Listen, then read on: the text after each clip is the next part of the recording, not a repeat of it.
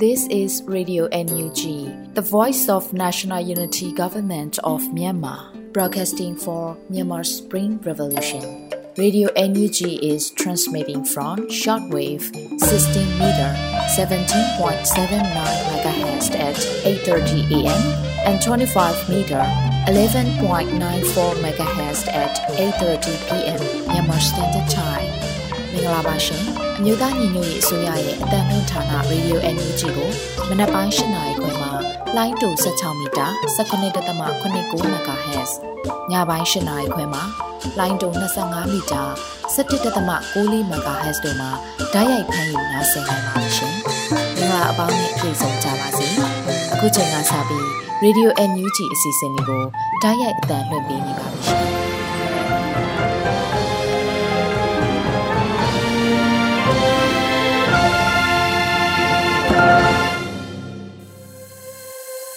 မြန်မာနိုင်ငံသူနိုင်ငံသားအပေါင်းတဘာဝဘေးစစ်အာဏာရှင်ဘေးတို့ကနေကင်းဝေးပြီးကိုစိတ်နှပါအေဂျင့်လုံခြုံကြပါစေလို့ Radio NUG ကနှုတ်ခွန်းဆက်သအပ်ပါတယ်။ဒီကနေ့2023ခုနှစ်ဒီဇင်ဘာလ19ရက်နေ့ Radio NUG ညပိုင်းအစီအစဉ်တွေကိုတင်ဆက်ပေးသွားတော့မှာဖြစ်ပါတယ်ရှင်။ခုပထမဆုံးပြည်တွင်သတင်းများကိုရန်နိုင်ကဖတ်ကြားတင်ပြပေးမှာဖြစ်ပါတယ်ရှင်။ Radio NUG ပရိသတ်များမင်္ဂလာပါခင်ဗျာ။ခုချိန်အားစပြီး 2023ခုနှစ်ဒီဇင်ဘာလ19ရက်နေ့ညပိုင်းပြည်တွင်သတင်းများကိုကျွန်တော်ရန်နိုင်ကတင်ဆက်ပေးပါတော့မယ်။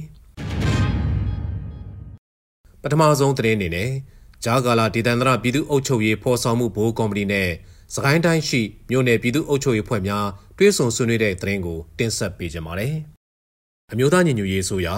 ဂျာကာလာဒေသန္တရပြည်သူ့အုပ်ချုပ်ရေးဖော်ဆောင်မှုဘိုးကော်မတီနဲ့စကိုင်းတိုင်းမြို့နယ်ပြည်သူ့အုပ်ချုပ်ရေးဖွဲ့များတွဲဆုံဆွေးနွေးပွဲအစည်းအဝေး 53မြင်းဆောင်2023ကိုဒီဇင်ဘာလ18ရက်နေ့နေ့လယ်3နာရီချိန်မှာကျင်းပပြုလုပ်ခဲ့တယ်လို့သိရပါတယ်။အစည်းအဝေးကိုဂျားကာလာဒေသန္တရပြည်သူ့အုပ်ချုပ်ရေးဖော်ဆောင်မှုဘိုးကော်မတီဖွဲ့ဝင်လူသမားဝန်ကြီးဌာနပြည်တော်စုဝန်ကြီးနိုင်သူဝနာကအဖွဲ့မှားစကားပြောကြားခဲ့ပါတယ်။ဆက်လက်ပြီးဝန်ကြီးဌာနများမှလုပ်ငန်းစဉ်များနဲ့ပတ်သက်လို့ရှင်းလင်းပြောကြားခဲ့ပြီးမြို့နယ်ပြည်သူ့အုပ်ချုပ်ရေးဖွဲ့ဝင်များကမူဝါဒလမ်းညွှန်ချက်များလုပ်ငန်းဆောင်ရွက်ချက်များ မြေပြင်ခက်ခဲများပေါ်သိရှိလိုတာတွေကိုမေးမြန်းဆွေးနွေးခဲ့ပြီးဝန်ကြီးဌာနတာဝန်ရှိသူများကပြန်လည်ဖြေကြားခဲ့ကြပါတယ်။အစည်းအဝေးကိုပြည်ထောင်စုဝန်ကြီးနိုင်သူဝနကဦးဆောင်ကဒုတိယပြည်ထောင်စုဝန်ကြီးအမြဲတမ်းတွန်းဝင်များတွဲဘက်အမြဲတမ်းတွင်ဝင်များဌာနဆိုင်ရာမှတာဝန်ရှိသူများစကိုင်းတိုင်းရှိမြို့နယ်ပြည်သူ့အုပ်ချုပ်ရေးဖွဲ့ခေါင်းဆောင်များအဖွဲ့ဝင်များတက်ရောက်ခဲ့ကြပြီးအစည်းအဝေးကိုညနေ9:00နာရီခွဲချိန်မှာရန်နာခဲ့ပါတယ်ခင်ဗျာခုတခါ 10နှစ်ခွန်စစ်စင်ကာလအတွင်းရန်ပြဲမှာပထမဆုံးအကြိမ်တိုက်ပွဲဖြစ်ပြီးစစ်သား၄ဦးသေဆုံးခဲ့တဲ့ဆိုတဲ့သတင်းကိုတင်ဆက်ပေးပါမယ်။10နှစ်ခွန်စစ်စင်ကာလအတွင်းရန်ပြဲကျွန်းမှာပထမဆုံးအကြိမ်တိုက်ပွဲဖြစ်ခဲ့ရမှာစစ်ကောင်စီဘက်က၄ဦးသေဆုံးခဲ့တယ်လို့ညီနောင်မဟာမိတ်၃ဘွဲကထုတ်ပြန်ပါတယ်။10နှစ်ခွန်စစ်စင်ရင်53ရက်မြောက်နေ့မှာဖြစ်ခဲ့တဲ့စစ်ရေးချင်းတွေကိုထုတ်ပြန်ရမှာအခုလိုထည့်သွင်းဖော်ပြခဲ့တာပါ။ဒီဇင်ဘာလ18ရက်နေ့မနက်၈နာရီကျော်အချိန်က ရန်ပြင်းမှုတောင်ဘက်မီတာ200ကျော်ကွာမှာရှိတဲ့အောင်ချမ်းသာဇီဒီတီထားရာတောင်ပေါ်မှာအကြမ်းဖက်စစ်ကောင်စီတပ်ဖွဲ့နဲ့ရခိုင်တပ်တော် AA တို့ရင်ဆိုင်တွေ့တွေ့ဆုံခဲ့ရာကတိုက်ပွဲဖြစ်ခဲ့တာလို့သိရပါတယ်။ရုတ်တရက်ရင်ဆိုင်တွေ့ဆုံရာမှဖြစ်ခဲ့တဲ့တိုက်ပွဲမှာစစ်ကောင်စီဘက်က၄ဦးသေဆုံးခဲ့တဲ့အပြင်လက်နက်ခဲယမ်းတွေနဲ့စစ်သုံးဆောင်ပစ္စည်းတွေသိမ်းဆည်းရရှိခဲ့တယ်လို့ရခိုင်တပ်တော် AA ကပြောပါတယ်။တိုက်ပွဲဖြစ်ချိန်အတွင်းမှာအကြမ်းဖက်စစ်ကောင်စီဘက်ကစစ်သင်္ဘောနဲ့ drone သုံးပြုပြီးတိုက်ခိုက်ခဲ့တဲ့ပြင် မွန်တယ်12နိုင်ခန့်အချိန်မှာလဲ Jet Fighter စစ်ဟန်ရင်တွေနဲ့ရန်ပြင်းမြို့အနီးပတ်ဝန်းကျင်ကိုလာရောက်ဘုံကျဲတိုက်ခိုက်ခဲ့တယ်လို့သိရပါတယ်။အဲဒီလိုလေကြောင်းကနေဘုံကျဲတိုက်ခိုက်ခဲ့တာကြောင့်ရန်ပြင်းမြို့ပေါ်ရက်ကွက်အချို့နဲ့စီဆိုင်တန်းမီးလောင်ပျက်စီးခဲ့တယ်လို့လည်းသိရပါတယ်။စစ်တပ်ကကြီးချောင်းရေချောင်းလေချောင်းကနေပြစ်ခတ်တိုက်ခိုက်မှုတွေကြောင့်လောင်းချောင်းရက်ကွက်ကတက်ကြီးပိုင်းမျိုးသားတဦးသေဆုံးခဲ့ပြီးအရွယ်မရောက်သေးတဲ့မိန်းကလေး2ဦးညောင်မေလကြေးရွာကမျိုးသား2ဦး ပြင်းထန်ဒဏ်ရာရရှိခဲ့တယ်လို့ညီနောင်မဟာမိတ်သုံးဘွယ်ကထုတ်ပြန်ထားပါတယ်။ဒါပြင်ဒီဇင်ဘာလ18ရက်နေ့မှာမြောက်ဦးမြို့အခြေဆိုင်ခမရ940တပ်ရင်းကအရသာပြည်သူတွေနေထိုင်ရာရက်ကွက်ကို120မမလက်နက်ကြီးတွေနဲ့ပစ်ခတ်ခြောက်လှန့်ခဲ့တယ်လို့ည9နာရီဝန်းကျင်အချိန်မှာလဲစစ်တွေခြေဆိုင်အမှတ်7နဲ့ရက်တရင်ကလက်နက်ကြီးတွေနဲ့ပေါတော်မြို့ကိုပစ်ခတ်တိုက်ခတ်မှုတွေလုပ်ခဲ့တယ်လို့သိရပါတယ်ခင်ဗျာဆလဘီ ရေစကြိုမှာလေချောင်းအန်ဒီရဲ့လက်နက်အန်ဒီရဲ့မိုင်းအန်ဒီရဲ့ကာကွယ်နိုင်ရေးအတွက်မြို့နယ်ပြည်သူ့အုပ်ချုပ်ရေးဖွဲ့များကဟောပြောမှုများဆောင်ရွက်တဲ့ဆိုတဲ့သတင်းကိုတင်ဆက်ပေးပါမယ်မကွေးတိုင်းဒေသကြီးရေစကြိုမြို့နယ်ရှိပြည်သူများနဲ့ចောင်းသားចောင်းသူများကိုလေကြောင်းအန်ဒီရဲ့လက်နက်အန်ဒီရဲ့မိုင်းအန်ဒီရဲ့ကာဝယ်နိုင်ရေးအတွက်ဟောပြောမှုများဆောင်ရွက်ခဲ့တယ်လို့မြို့နယ်ပြည်သူ့အုပ်ချုပ်ရေးဖွဲ့ကသိရှိရပါတယ်။ဆိုပါဟောပြောပွဲကိုမြို့နယ်ပြည်သူ့အုပ်ချုပ်ရေးဖွဲ့မြို့နယ်ပြည်သူ့ကာကွယ်ရေးဖွဲ့မြို့နယ်ပြည်သူ့လုံခြုံရေးဖွဲ့မြို့နယ်ပညာရေးဖွဲ့ မြို့နယ်ကျန်းမာရေးဖွဲ့မြို့နယ်လူသားစာနာဖွဲ့တို့ကပူးပေါင်းပြီးကျေးရွာစဉ်အလိုက်လှည့်လည်ဆောင်ရွက်ခဲ့တာဖြစ်တယ်လို့သိရပါတယ်။ဒီပညာပေးဟောပြောမှုတွေမှာလေကြောင်းအန်ဒီရဲ့လက်နက်ကြီးလက်နက်ငယ်မိုင်းအန်ဒီရဲ့များဓာတုအစိမ့်ငွေအန်ဒီရဲ့များနဲ့ရှေးဦးတနာပြုနည်းများကိုတရုပ်ပြခြင်းပရိုဂျက်တာဖြင့်ပြသခြင်းလက်ကမ်းစာတော်များဖြန့်ဝေပေးခြင်းများပြုလုပ်ခါဘုံကိုခြင်းများတူးထရန်အတွက်လည်းတိုက်တွန်းနှိုးဆော်ခဲ့ပါတယ်ခင်ဗျာ အခုတခါသရဲချောင်းမြို့နယ်မှာနေအိမ်တွေကိုဝင်မှွေးနေတဲ့စစ်ကောင်စီတပ်မိုင်းဆွဲတိုက်ခတ်ခံရတဲ့ဆိုတဲ့သတင်းကိုတင်ဆက်ပေးပါဦးမယ်။ဒီနေ့တိုင်းတိုင်းသရဲချောင်းမြို့နယ်ညောင်စင်ကျေးရွာတွင်းရှိပြည်သူပိုင်နေအိမ်တွေကိုဝင်ရောက်မှွေနှောက်နေတဲ့စစ်ကောင်စီတပ်မိုင်းဆွဲတိုက်ခိုက်ခံရတာကြောင့်ငါးဦးထပ်မံထိခိုက်သေးဆုံးနိုင်တယ်လို့တော်လိုင်းအင်အားစုတွေကပြောပါတယ်။ဒီဇင်ဘာလ18ရက်နေ့မနက်9:00နာရီချိန်လောက်မှာအင်အား90နီးပါးပါတဲ့စစ်ကောင်စီတပ်ဖွဲ့ဟာမြေသည်က3စီးနဲ့ညောင်စင်ကျေးရွာထဲဝင်ရောက်လာပြီး တိန်တက်တိန်ဆင်းမှွေနှောက်ရှာဖွေခဲ့ကြပါတယ်။ဒိန်တွေကိုဝင်မှွေသွားတဲ့စစ်ကောင်စီတပ်ဟာမနက်10:00နာရီခန့်ကညောင်စင်ကျေးရွာဈေးနဲ့အခြေခံပညာထက်တန်းကျောင်းကြားအရောက်မှာမိုင်းဆွဲတိုက်ခိုက်ခံခဲ့ရတာပါ။အလင်းငိုက်မိုင်းဆွဲတိုက်ခိုက်ခံလိုက်ရတဲ့စစ်ကောင်စီတပ်ဟာ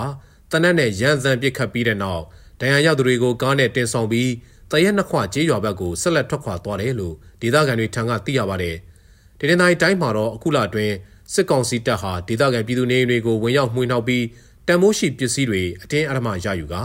နေအိမ်တွေကိုမိရှုဖျက်ဆီးတာပြည်သူ့ကာကွယ်တပ်ဖွဲ့ PDF ထောက်ခံရင်သဘုံအဖြစ်တတ်မှတ်ရှင်းလင်းမယ်လို့ချိန်ချောက်တာတွေရှိနေပါတယ်ခင်ဗျာ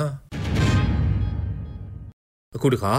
တပရင်းမြို့နယ်အတွင်းရှိကျေးရွာတွေကိုစစ်တပ်ကမီးရှို့ဖျက်ဆီးပြီးပြည်သူပိုင်ပစ္စည်းများကိုပါလုယူတယ်ဆိုတဲ့သတင်းကိုလည်းတင်ဆက်ပေးပါောင်းမယ်။စကိုင်းတိုင်းတပရင်းမြို့နယ်အတွင်းကကျေးရွာတွေကိုစစ်ကြောင်းထိုးနေတဲ့ကျမ်းပတ်စစ်တပ်ဟာ ဒေသခံတွေရဲ့နေအိမ်တွေကိုမီးရှို့ဖျက်ဆီးနေတဲ့အပြင်ပြည်သူပိုင်ပစ္စည်းတွေကိုပါလုယူနေတယ်လို့တပင်းမြို့နယ်ညီနောင်များဖွဲ့ကပြောပါတယ်။အကြမ်းဖက်စစ်တပ်ဟာဒီဇင်ဘာလ16ရက်နေ့ကစပြီးတပင်းမြို့နယ်တဲကိုဝင်ရောက်လာခဲ့တာလို့သိရပါတယ်။ကြေးရွာတွေကိုစစ်ကြောင်းထိုးလာတဲ့အကြမ်းဖက်စစ်တပ်ဟာပျော်ပွဲနဲ့မစိုးရင်ကြေးရွာတွေကိုဝင်ရောက်ချိန်မှာတော့စီဆိုင်ဟောင်းနှစ်ခုကိုမီးရှို့ဖျက်ဆီးခဲ့ပြီးအောင်ချမ်းသာရွာကိုဝင်ရောက်ချိန်မှာကားတစ်စီးကိုမီးရှို့ဖျက်ဆီးခဲ့တယ်လို့ပြောပါတယ်။အောင်ချမ်းသာရွာကိုဝင်ရောက်ခဲ့တဲ့ ဒီဇင်ဘာလ18ရက်နေ့မှာဆိုရင်ဒေသခံပြည်သူတဦးရဲ့စဘာရောင်းရငွေနဲ့ရွှေလိုရွှေစတွေကိုပါခိုးယူသွားခဲ့တယ်လို့သိရပါတယ်။ဒါ့အပြင်ပင်စီကျေးရွာနဲ့ခွင်တောင်းကျေးရွာတို့ကိုမီးရှို့ဖျက်ဆီးခဲ့တယ်လို့သိရပေမယ့်ပျက်စီးဆုံးရှုံးမှုခြေအနေကိုမသိရသေးဘူးလို့တပင်းမြို့နယ်ညီနောင်များဖွဲ့ကအသိပေးထားပါတယ်။ဒီဇင်ဘာလ19ရက်နေ့မနက်ပိုင်းမှာလဲပကံကျေးရွာလက်တီးကျေးရွာနဲ့ရင်းတွေကျေးရွာတွေကိုဇက်တိုက်ဝင်ရောက်လာပြီးဖျက်ဆီးဆုံးရှုံးမှုခြေအနေကိုမသိရသေးဘူးလို့ဒေသခံတွေကပြောပါတယ်။ ဒီစစ်ကြောင်းကြောင့်တပင်းရှေချမ်းနဲ့နောက်ချမ်းမှာရှိတဲ့ပျော်ပွဲအောင်ချမ်းသာရွာရှိပင်စီခွန်တောင်းပကံလက်တီရင်းတွေတနေစင်ရောက်ကုန်းပေါတော်နှောပင်နှစ်ဘဲလာစတဲ့ကြီးရွာတွေကပြည်သူတထောင်ကျော်ထွက်ပြေးတိမ်းရှောင်နေရပြီးအရေးပေါ်ရိတ်ခါများခြုံဆောင်တဲ့နှွေးတယ်များလိုအပ်နေတယ်လို့သိရပါတယ်။တပင်းမြို့နယ်တဲကကြေးရွာတွေကိုစစ်ကြောင်းထိုးဖျက်ဆီးနေတဲ့အကြမ်းဖက်စစ်ကောင်စီတပ်ကိုပြည်သူ့ကာကွယ်ရေးဖွဲ့တွေကလည်း drone အသုံးပြုကဘုံသီးချတိုက်ခိုက်မှုတွေပြုလုပ်နေတယ်လို့သိရပါတယ်ခင်ဗျာ။ဆလဘီစကိုင်းတိုင်းမှာစစ်ရှောင်းစခန်းတွေကိုအစားတောက်တဲ့ဆိုင်အိတ်တွေကူညီထောက်ပံ့တဲ့ဆိုတဲ့သတင်းကိုလည်းတင်ဆက်ပေးပါဦးမယ်။စကိုင်းတိုင်းမှာတော်လိုင်းအင်အားစုများက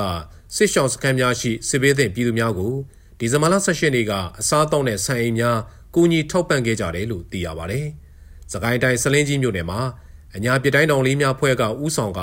ရက်ရှည်စစ်ရှောင်းနေရတဲ့စစ်ရှောင်းပြည်သူများထံတွားရောက်ပြီးထမင်းနဲ့ဟင်းများလှူဒန်းခဲ့တယ်လို့ဆိုပါတယ်။ SNC မိဘေးစစ်ဘေးပညာရေးကူညီဆောင်ရှောက်ရေးဖွဲ့ကလည်းဒီဇင်ဘာအားကစားပွဲအတွက်စစ်ဘေးသင့်ဒေသရှိကျောင်းများအတွက်အားကစားဝတ်စုံများထောက်ပံ့ပေးခဲ့တယ်လို့သိရပါတယ်။ဒါ့အပြင်ပလဲမြို့နယ်အတွင်းရက်ရှည်စစ်ဘေးရှောင်းနေရတဲ့စစ်ရှောင်းပြည်သူများကိုလည်းမြို့သားညီညွတ်ရေးဆိုရလူသားစာနာဝန်ကြီးဌာနကထောက်ပံ့ကူညီတဲ့ငွေသားအချို့နဲ့စိုင်းတွေကိုမြို့နယ်လူသားစာနာမှုတာဝန်ခံက တွားရောက်လှူဒန်းပေးခဲ့ပါသေးတယ်ခင်ဗျာ။အခုနောက်ဆုံးမြန်မာတရုတ်နယ်စပ်မှာရှိတဲ့ BP 125စစ်ဘေးရှောင်စခန်းနေရာရွှေ့ပြောင်းရန်စီစဉ်နေတဲ့ဆိုတဲ့သတင်းကိုလည်းတင်ဆက်ပေးကြပါမယ်။မြန်မာတရုတ်နယ်စပ်မြို့ဖြစ်တဲ့လောက်ကိုင်မြို့နယ်က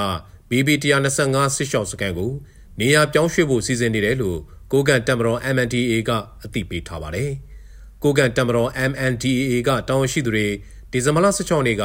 BB 125စစ်ဆောင်စခန်းကိုရောက်ရှိလာပြီးစပေးရှောင်းတွေနဲ့တွေ့ဆုံရမှာအခုလိုပြောကြားခဲ့တာဖြစ်ပါတယ်။လောက်ကိုင်းမျိုးရင်းနဲ့မျိုးပြတစ်ဝိုက်မှာအကြမ်းဖက်စစ်ကောင်စီနဲ့ MNDAA တို့ကြားစစ်ရေးတင်းမာနေပြီးတိုက်ပွဲတွေအချိန်မရွေးဖြစ်လာနိုင်တာကြောင့်နေရာရွှေ့ပြောင်းဖို့စီစဉ်ရတာဖြစ်တယ်လို့ MNDAA တောင်ရှိသူတွေကပြောပါတယ်။တိုက်ပွဲကာလတစ်လျှောက်တိုက်ပွဲတွေကြားမှာပိတ်မိနေတဲ့ဒုက္ခသည်တွေကိုစစ်တပ်ဘက်ကလေကြောင်းကနေပြစ်ခတ်တာလက်နက်ကြီးတွေနဲ့ပြစ်ခတ်တာတွေရှိပါတယ်။ဒါကြောင့်လက်ရှိချိန်မှာ BB125 ဟာအလွန်အန္တရာယ်များတဲ့နေရာတစ်ခုဖြစ်လာပါတယ်။စစ်တပ်ဘက်ကအချိန်မရွေးတိုက်ခိုက်လာနိုင်ပါတယ်လို့ MNDAA အလုံးမှုဆောင်ဖွဲ့အထွေထွေတွင်းမှုကပြောပါတယ်။ဒါပြင်ဒုက္ခသည်များလက်ရှိနေထိုင်ရာနေရာမှာလူဦးရေများလုံးပြီးအမိုက်များကိုမရှင်းနိုင်ဘူးဆိုရင်ယောဂါတွေဖြစ်လာနိုင်တာကြောင့်နေရာပြောင်းရွှေ့ဖို့စီစဉ်ရတာဖြစ်တယ်လို့လည်းသိရပါတယ်။ MNDAA အလုံးမှုဆောင်ဖွဲ့ဟာစစ်ဘေးရှောင်ဒုက္ခသည်တွေကိုဆန်နဲ့ဟင်းသီးဟင်းရွက်တွေလည်းခွဲဝေထောက်ပံ့ပေးခဲ့တယ်လို့သိရပါတယ်။ တိုက်ပွဲဖြစ်ပွားပြီးတဲ့နောက်ပိုင်းမှာလောက်ကိုင်ဒေသအုပ်ချုပ်ရေးဖွဲ့တွေရဲ့ညံဖြစ်မှုကြောင့်ကုန်စည်နှုန်းများအဆမတန်မြင့်တက်လာပြီးဒုက္ခသည်တွေစားစရာမရှိတဲ့ခြေနေမျိုးရောက်ခဲ့ရသလိုခိုးမှုလူရဲမှုဓမြမှုမရိမှုစတဲ့ရာဇဝတ်မှုတွေလည်းဇက်တိုက်ဖြစ်ခဲ့တယ်လို့ MNDAA လုံးမှုဆောင်ဖွဲ့ထွေထွေမှုကပြောပါတယ်လက်ရှိချိန်မှာ MNDAA အနေနဲ့ BB125 ကိုပြန်လည်ထိန်းချုပ်နိုင်ခဲ့ပြီဖြစ်တာကြောင့်ဘယ်လိုခြေနေမျိုးဖြစ်နေပါစေဒုက္ခသည်တွေစောင့်ဝင်နေရေးကို MNDAA ဘက်ကအပြည့်အဝတောင်းယူသွားမှာဖြစ်ပြီးရာဇဝတ်မှုကျူးလွန်သူတွေကိုလည်းအရေးယူသွားမှာဖြစ်တယ်လို့ထုတ်ပြန်ထားပါတယ်ခင်ဗျာအခုတင်ပြခဲ့တဲ့သတင်းတွေကို Radio NUG သတင်းတောက်ကိုခန့်နဲ့မင်းစစ်သွေးတို့ကပေးပို့ထားတာဖြစ်ပါတယ်ခင်ဗျာ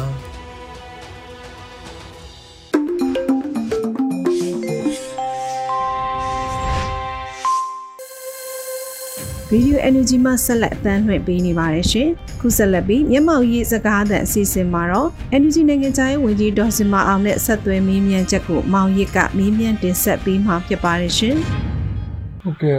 ပထမဆုံးမေးချင်တဲ့မိကိုကတော့ဒီမြို့တော်လေးအစပြုချိန်ကစပြီးတော့အမေရိကန်ဥရောပနဲ့နိုင်ငံတကာကအာဏာသိမ်းစစ်ကောင်စီနဲ့အပေါင်းပါတွေကိုနိုင်ငံရေးစီးပွားရေးပိတ်ဆို့အရေးယူမှုတွေလုပ်ခဲ့တယ် ခုချိန်ထိလည်းဆက်ပြီးတော့တိုးမြင့်ရေးယူနေစေဖြစ်တယ်။ဒါကြောင့်ဒီလူ့တော်လှန်ရေးရဲ့လက်ရှိအရွေးနဲ့အောင်မြင်မှုတွေဒီနိုင်ငံတကာရဲ့ပိတ်ဆို့ရေးယူမှုတွေရဲ့တက်ရောက်မှုကဘယ်လိုရှိလဲဘယ်လိုမျိုးရှုမြင်သုံးသပ်ပါကြလဲခင်ဗျာဒီမိကုန်းနဲ့ပတ်သက်လို့ရင်တော့ဘယ်လောက်ထိရောက်မှုရှိတယ်လဲဆိုရင်အခုဆိုရင်စစ်ကောင်စီကစစ်လက်နက်ပစ္စည်းတွေဝယ်ယူတာကအစပေါ့နော်ဒီနိုင်ငံခြားငွေဖြစ်တဲ့ပေါ့လေ US ဒေါ်လာကို သူတို့မိခိုးနေကြရတာဖြစ်တယ်အဲ့တော့နိုင်ငံခြားဝင်ငွေလည်းမရှိတော့သလိုစီးပွားရေးပိတ်ဆို့မှုကြောင့်သူတို့ရှိတဲ့ငွေနဲ့ပေါ့နော်ဒီဝယ်ယူသုံးစွဲရတဲ့အခါမှာလည်းပဲဒီ finance နဲ့ပတ်သက်လို့ဒီငွေကြေးနဲ့သုံးစွဲမှုပိုင်းမှာပေါ့နော်အခက်အခဲဖြစ်လာတာမျိုးတွေတွေ့ရတယ်အဲ့တော့ပြောချင်တာကကုံသွယ်စီးပွားတွေမကဘူးကိုမှရှိတဲ့ပတ်စံနဲ့ကိုလိုတာကိုဝယ်ယူဖို့လို့ငွေပေးချေမှုအပိုင်းတွေမှာပါ အကြီးကျယ်ခက်ခဲဖြစ်လာတယ်ပေါ့နော်တွင်ဒီလည်းပြောရလို့ရှိရင်တော့ငွေမှာပေါ့ငွေမှာဖြစ်တဲ့ဒီ US ဒေါ်လာလိုအပ်ချက်တွေပုံမှုများပြားလာပြီးတော့ဒါစစ်ကောင်စီကသူ့ရဲ့အကျိုးစီးပွားနဲ့ပြည်သူလူထုကိုဖိနှိပ်မဲ့ရန်တရားတွေမှာသုံးဆွဲဖို့လို့အတွက်ပေါ့လေလိုအပ်တဲ့ငွေကြေးတွေကိုဟိုသုံးဆွဲတဲ့နေရာမှာအကျက်တဲ့အခက်အခဲတွေဖြစ်လာတယ်အထူးအားဖြင့်တော့စစ်လက်နက်ပစ္စည်းဝယ်ယူတဲ့ကိစ္စတွေမှာအကျက်တဲ့အခက်အခဲတွေဖြစ်လာတဲ့အနေအထားမျိုးတွေကိုတော့ဒီ ဒီဘက်နှစ်ပိုင်းမှာပေါ့နော်ဒီစီးပွားရေးပိတ်ဆို့အရေးယူမှုတွေကြောင့်တည်တည်တတာကိုမြင်လာနေရတာဖြစ်ပါတယ်အဲ့တော့စီးပွားရေးပိတ်ဆို့မှုတွေဟာစစ်ကောင်စီရဲ့စီးရေးဆိုင်ရာ capacity တွေကိုပါတက်ရောက်မှုရှိတယ်လို့ကျွန်တော်တို့ပြောလို့ရပါတယ်နောက်မိကုန်းတစ်ခုကတော့ဒီ NUG ဆိုရရဲ့နိုင်ငံခြားရေးဝန်ကြီးဌာနရဲ့ဒီနိုင်ငံတကာဆက်ဆံရေးတွေမှာအခုကုလသမဂ္ဂစနစ်မှာနေရာယူထားနိုင်တဲ့ တာမကြီးဥကျော်မှုထုံးရဲ့အခမ်းကဏ္ဍကဆက်ပြီးအရေးပါနေစေဖြစ်တယ်လို့သုံးသပ်ပါဗလား UN မှာဥကြုံမှုထုံးရှိနေခြင်းကຫນွေဥတော်လိုင်းရေးပေါ်အမတန်မှအကျိုးသက်ရောက်မှုရှိတယ်ဆိုတာကိုကျွန်မက100ရာခိုင်နှုန်းမဟုတ်ဘူး200ရာခိုင်နှုန်းထောက်ခံပါတယ်လို့သဘောတူပါတယ်။ဘာကြောင့်လဲဆိုတော့ပြည်သူတန်အမတ်ကြီးဖြစ်တယ်။ဟိုအစောပိုင်းကလေးကပေါ့နော်ဟိုအမျော်မြင်ရှိရှိနဲ့ပြည်သူလူထုဘက်ကနေပြီးတော့မှန်မှန်ကန်ကန်ရက်တီခဲ့တယ်ပေါ့လေ တန်တမန်တူလည်းဖြစ်တယ်လို့တောက်လျှောက်လည်းပဲအခုစစ်ကောင်စီရဲ့ရက်ဆက်ကြမ်းကြုတ်မှုတွေကြောင့်ခံစားနေရတဲ့မြန်မာပြည်သူလူထုရဲ့ဖြစ်ရမှန်တွေကိုကုလသမဂ္ဂမျက်နှာစာမှာမြန်မာပြည်သူကိုကိုစားပြုပြီးတော့ဒီမတရားမှုတွေကိုဖော်ထုတ်နေတာဖြစ်တယ်ဆိုတော့အချုပ်ချာအာဏာရဲ့တန်တမန်တယောက်ဟာပြည်သူလူထုရဲ့ချုပ်ချနိုင်ငံတနိုင်ငံရဲ့ချုပ်ချအာဏာကိုကိုစားပြုပြီးတော့နိုင်ငံတကာမှာတာဝန်ထမ်းဆောင်နေရတာ ဖြစ်တယ်ဆိုရင်ဥကြုံမိုးထုံးကိုအတူယူတင်တယ်လို့ကျွန်တော်တို့မြင်တယ်။ဘာဖြစ်လို့လဲဆိုတော့ချုပ်ချအာဏာရဲ့မူလပိုင်ရှင်ဖြစ်တဲ့ပြည်သူလူထုရဲ့အကျိုးစီးပွားကိုတကယ်ကိုစားပြုနိုင်မှသာလျှင်ဒါကပြည်သူလူထုရဲ့တန်တမန်ဖြစ်တယ်။ကျမတို့အချုပ်ချာအာဏာပိုင်နိုင်ငံတနိုင်ငံရဲ့တန်တမန်ဖြစ်ထိုက်တယ်လို့ကျမတို့မြင်ပါတယ်။ဒါကြောင့်မို့လို့တခြားသောတန်တမန်တွေလည်းပဲမြန်မာနိုင်ငံကိုကိုစားပြုနေတယ်ဆိုရင်မြန်မာပြည်သူလူထုရဲ့အကျိုးစီးပွားကိုတကယ်ကိုစားပြုနိုင်ဖို့လိုတယ်လို့ကျမအနေနဲ့မှတ်ချက်ပေးချင်ပါတယ်။ တစ်ဆယ်နှစ်ဆက်ကိုစစ်စီရေးစတင်ပြီးတဲ့နောက်မှာ PDF တွေ ER ရဲ့ခုခံစစ်တော်လန်စစ်ဒါဂရီစစ်မျက်နှာတွေပို့ပြီးတော့ထိရောက်ကျေပြမှုတွေတက်ရောက်မှုတွေရှိလာတယ်ပြည်သူတွေကလည်းအားတက်ဝမ်းမြောက်နေကြတယ်အဲ့ဒီအချိန်မှာအမေရိကန်နိုင်ငံသားရေးဝန်ကြီးဌာနကတင်သွင်းတဲ့အစီရင်ခံစာတစ်ခုမှာ PDF တွေကိုနိုင်ငံတကာကအခြားအကြမ်းဖက်အဖွဲ့အစည်းတွေနဲ့ဒန်းတူထုတ်ပြန်ထားတယ်အစီရင်ခံစာကတွေ့ရလို့ လူဦးတော်လိုင်းအင်အားစုတွေပြည်သူတွေကလက်မခံဘဲနဲ့ကန့်ကွက်မှုတွေနဲ့တုံ့ပြန်ကြတယ်အဲ့ဒီအတွက်နိုင်ငံတကာဆက်ဆံရေးမှာအခုလိုအချက်အလက်မှားယွင်းထုတ်ပြန်မှုတွေကိုရင်ဆိုင်နေရတဲ့စိန်ခေါ်မှုတွေအတွက် NUG ရဲ့နိုင်ငံခြားရေးဝန်ကြီးဌာနကဘယ်လိုဆောင်ရွက်နေပါလဲဘယ်လိုတော့သဘောထားမျိုးတွေးကျင်ပါလဲအခုလိုမျိုးပေါ့နော်ဒီ30 20ခွန်စစ်စင်ရေးနောက်ပိုင်းမှာစစ်ကောင်စီကိုစီရေးအရာပါပေါ့လေ လူတော်လှန်ရေးနဲ့မဟာမိတ်တိုင်းသားတော်လှန်ရေးလက်နက်ကိုင်ဖွဲ့စည်းတွေရဲ့စီရေးဆိုင်ရာအောင်မြင်မှုတွေရရှိလာတဲ့အချိန်မှာပေါ့နော်ခုနအမေရိကန်ပြည်ထောင်စုနိုင်ငံသားရေးဝန်ကြီးဌာန website မှာတင်ထားတဲ့ဒီအစီရင်ခံစာတစ်ခုမှာပါဝင်တဲ့အချက်တစ်ချက်ပေါ့နော်ဆိုတော့အဲ့ဒီအ ချက်ပေါ့အထူးသဖြင့်ဒီအကြမ်းဖက်မှုနဲ့ပတ်သက်တဲ့ကိစ္စမှာဒီ PDF တွေကိုထည့်သွင်းထားတဲ့ကိစ္စနဲ့ပတ်သက်လို့ကျမတို့ဒီ American နိုင်ငံသားရေးဝန်ကြီးဌာနကိုစာရေးသားပေးပို့ပြီးတော့ကန့်ကွက်လဲကန့်ကွက်ထားတယ်ကျမတို့ဖြည့်ရှင်းချက်လည်းတောင်းထားပါတယ်ဆိုတော့ American နိုင်ငံသားရေးဝန်ကြီးဌာနကလည်းပဲဒါကိုဖြည့်ရှင်းချက် ပေးပြီးတော့ဖြစ်ပါတယ်သူတို့ရဲ့မူဝါဒမဟုတ်ဘူးအော်ဒီ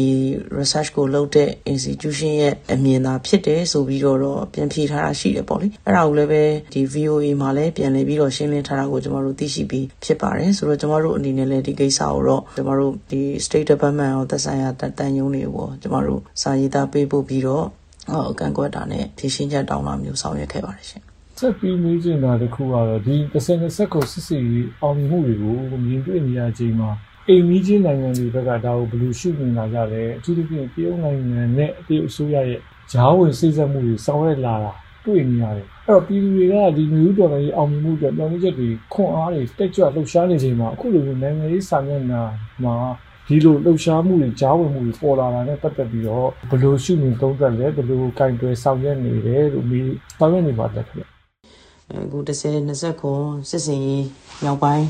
အဖွဲ့ရဲ့စစ်စင်ရေးနဲ့ပတ်သက်ပြီးတော့တိုးတက်မှုတွေစီရေးအရအောင်မြင်မှုတွေရလာတဲ့အချိန်မှာဒါစစ်ကောင်စီကလည်းပဲတရုတ်ကိုသွားပြီးတော့ဘယ်လိုပြောမလဲတောင်းပန်တိုးရှိုးပြီးတော့ပေါ့လေဒါအကူကြီးတောင်းတယ်ဆိုတဲ့ဟာတွေလည်းကျွန်တော်တို့ကြားသိရတယ်ဆိုတော့ဒီကိစ္စနဲ့ပတ်သက်လို့ကတော့တရုတ်နိုင်ငံကပဲဖြစ်စီအာဆီယံကပဲဖြစ်စီတခြားပေါ့လေမြည်သည့်နိုင်ငံတကာရဲ့ဝင်ရောက် ကူညီဆောင်ရွက်ပေးမှုမဆိုကျမတို့ပြည်သူလူထုရဲ့လိုလားချက်ကျမတို့တိုင်းပြည်ရဲ့ပေါ့နော်အဖြေကိုရှာတဲ့နေရာမှာ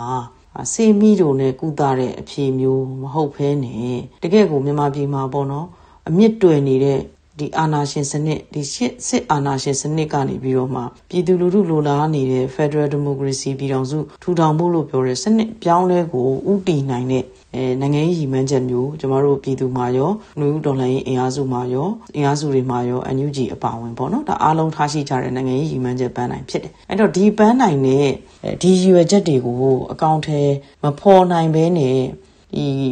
ရေတူဖြစ်တဲ့ပေါ့နော် စေးမိတို့ဖြစ်တဲ့နေဆက်ဒေတာလေးတက်တက်နေရာဒေတာလေးတစ်ခုမှတွေကွက်ပြီးတော့အပြစ်ခတ်ရက်စဲလိုက်ယုံနဲ့တိုက်ခိုက်မှုတွေရက်စဲလိုက်ယုံနဲ့တော့ဒီပြဿနာဖြေရှင်းနိုင်မှာမဟုတ်ဘူးအဲ့ဒါကတရုတ်အပါဝင်ပေါ့နော်ဘသူအတွက်မှအကျိုးမရှိဘူးကျမတို့တိုင်းပြည်ရဲ့ငြိမ်းချမ်းရေးပေါ့နော်ဒီရေရှည်တည်တံ့ခိုင်မြဲတဲ့ငြိမ်းချမ်းရေးကိုလိုချင်နေဆိုရင်နိုင်ငံရေးစနစ်ကြီးတစ်ခုလုံးပြုပြင်ပြောင်းလဲမှုကိုဥတည်နိုင်မှသာလျှင် ဒီငြိမ်းချမ်းရေးကိုဖော်ဆောင်နိုင်မှာဖြစ်တယ်။အဲ့ဒီလိုမျိုးရေရှည်တည်တံ့ခံမြဲတဲ့ငြိမ်းချမ်းရေးကိုဖော်ဆောင်နိုင်မှသာလျှင်ကျမတို့အိန္ဒိယချင်းနိုင်ငံကြီးတွေဖြစ်တယ်ပေါ့နော်။ဒါတရုတ်တို့အိန္ဒိယတို့ဒီထိုင်းတို့အိန္ဒိယချင်းနိုင်ငံတွေရဲ့ရင်းနှီးမြှုပ်နှံမှုတွေအပါအဝင်နှစ်နိုင်ငံအကျိုးစီးပွားကိုအမခံနိုင်မှာဖြစ်တယ်။အဲ့တော့အဲ့ဒီအပေါ်မှာအခြေခံပြီးတော့ပဲ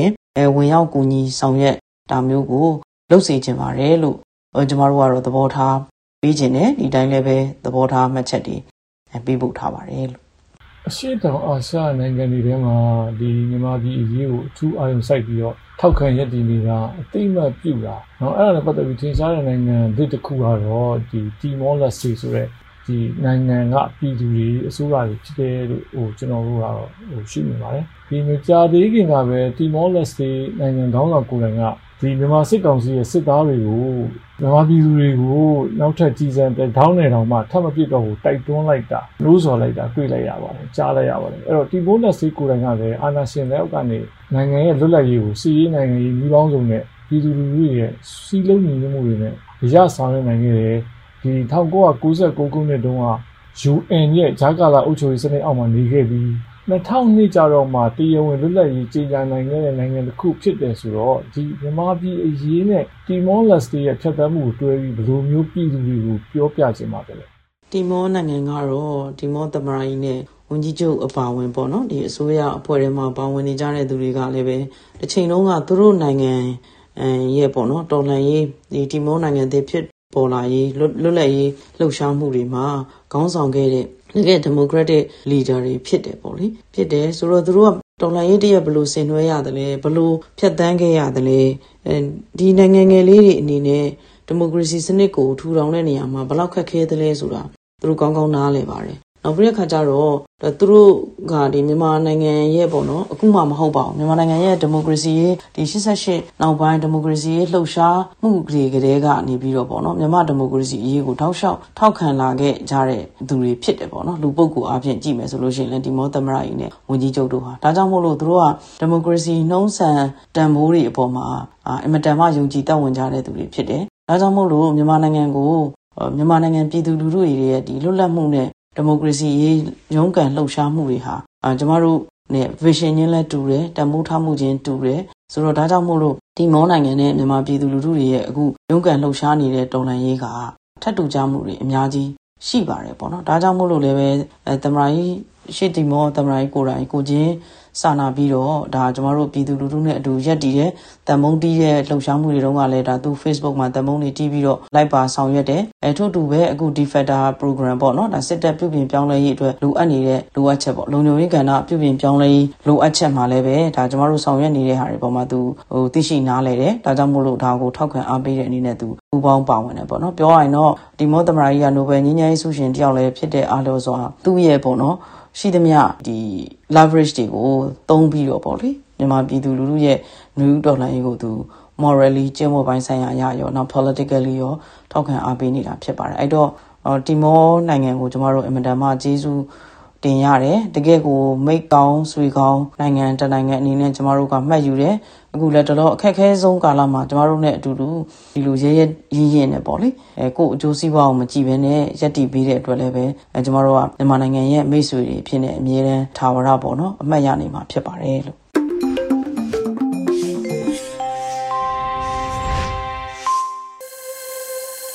ဗီဒီယို NUG သောတာရှင်များရှင်ကုဆလဘီတော်လိုင်းကြပြခန္ဓာကိုနားဆင်ကြရပါမယ်။မတခရေးသားထားတဲ့ဝီစီအမြန်ဆိုတဲ့ကြပြလေးကိုလွတ်လပ်နှွေဦးကခန်းစားရုပ်ဖတ်ပေးမှာပဲဖြစ်ပါတယ်ရှင်။အဝီစီအမြန်ဒေဝရတ်တင်ယိုးကယိုးယိုးကလေးရဲ့အရှင်ဖျားကသခင်ကျွန်ုပ်အရင်တပားကတင်လို့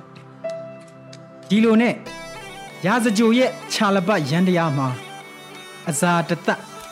လမ်းမှားခဲ့ပါပေါ့တင်္ကာယနာကိုအပြန်တရာတင်လဲငရဲတို့ဆိုမှငရဲပဲတဲ့ဝေဘာရတောင်ရန်နာမှာယထာထွက်ရန်9မိနစ်အဝီစိအလံနဲ့အုပ်အောဆွဲလိုက်တဲ့အတန်ကြီးဟာတန်တရာအဆက်ဆက် နားကွဲထွက်အောင်ညံလို့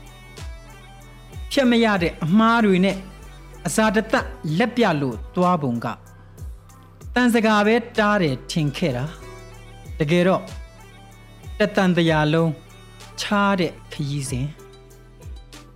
မတ်တခါဗီဒီယို NUG ကိုနားဆင်နေကြရတာပါ ခုဆက်လက်ပြီးတိုင်းသားဘာသာစကားထုတ်လွှင့်မှုအစီအစဉ်မှာနောက်ပိုးကင်ဘာသာနဲ့ပတ်စင်သတင်းများကိုတော့နိုင်ရင်တွင်မိကတင်ဆက်ပေးမှာဖြစ်ပါတယ်ရှင်။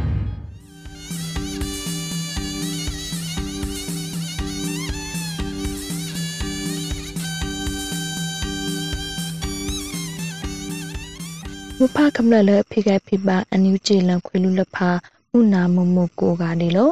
ပိုးနယောပုဒုဖောက်ထံမကုနီတမ်ဖာတ ရာလန်စပရလဖာနော်လောဘာလကဒုဖောက်ထံစပရလဖာယောနော်ဘူးမွေရနိုင်ရှင်နွေးမီနော်လော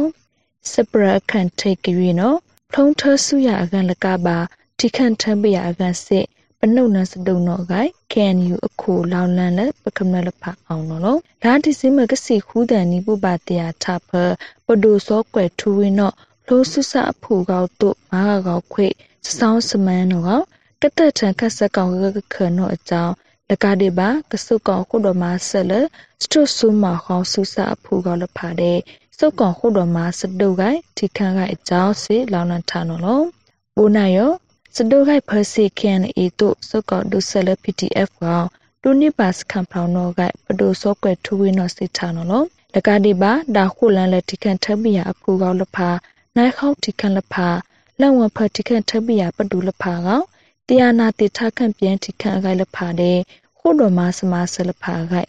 စေဒုတိယထဝင်းတာနော်စပရနီရွေကရွေနော်ခန်အေတဲ့စပုံးထန်တုတ်ဖူကောက်လဖာမာနိတေနစ်ဖလိုစုခန့်တော်တုံမူလန်ရိုက်တုံနှုတ်နဆွေတာမူလို့ကြိုအလန့်အခိုင်နော်လော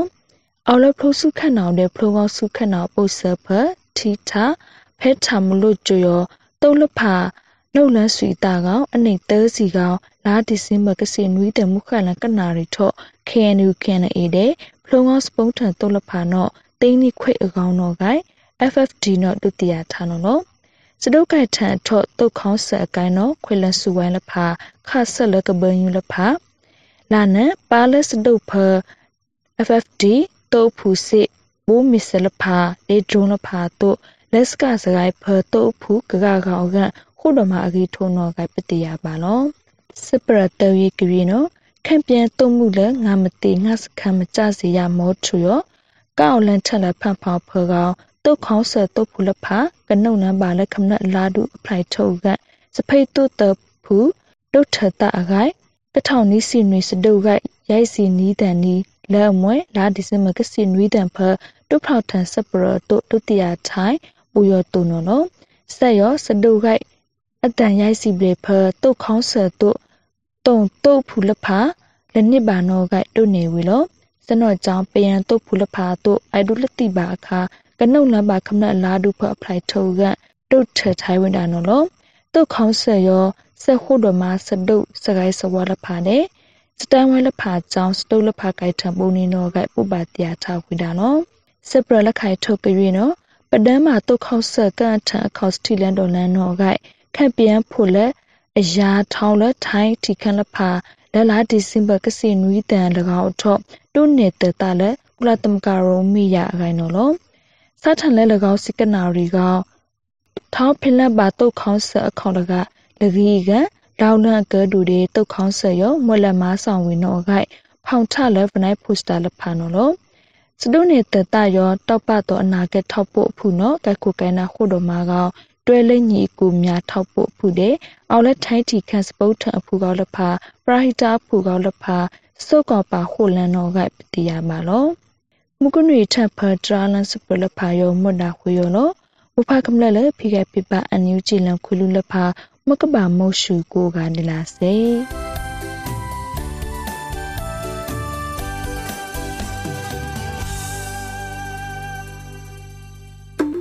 ဒီကနေ့ကတော့ဒီညနဲ့ပဲ Radio NUG ရဲ့အစီအစဉ်လေးကိုခਿੱတရနာလိုက်ပါမယ်ရှင်။မြမစံတော်ချိန်မနက်၈နာရီခွဲနဲ့ည၈နာရီခွဲအချိန်တွေမှာပြန်လည်ဆုံတွေ့ကြပါစို့။ Radio NUG ကိုမနက်ပိုင်း၈နာရီခွဲမှာလိုင်းတူ16မီတာ19.8 MHz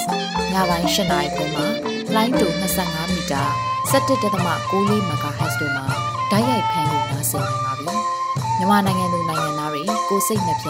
ကျန်းမာချမ်းသာလို့ဘေးကင်းလုံခြုံကြပါစေလို့ Radio NUG အဖွဲ့သူဖေသားတွေကဆုတောင်းမြတ်တာပို့တာနေပါတယ်ရှင်။မြေသားညီမတွေအစိုးရရဲ့စက်တော်ရင်သတင်းအချက်အလက်တွေလုပ်ပြညာဝန်ကြီးဌာနကထုတ်လွှင့်နေတဲ့ Radio NUG ဖြစ်ပါတယ်။ San Francisco Bay Area အခြေစိုက်မြန်မာမိသားစုတွေနဲ့နိုင်ငံတကာကစေတနာရှင်တို့အားပေးနေတဲ့ Radio NUG ဖြစ်ပါတယ်။အရေးတော်ပုံအောင်ရမည်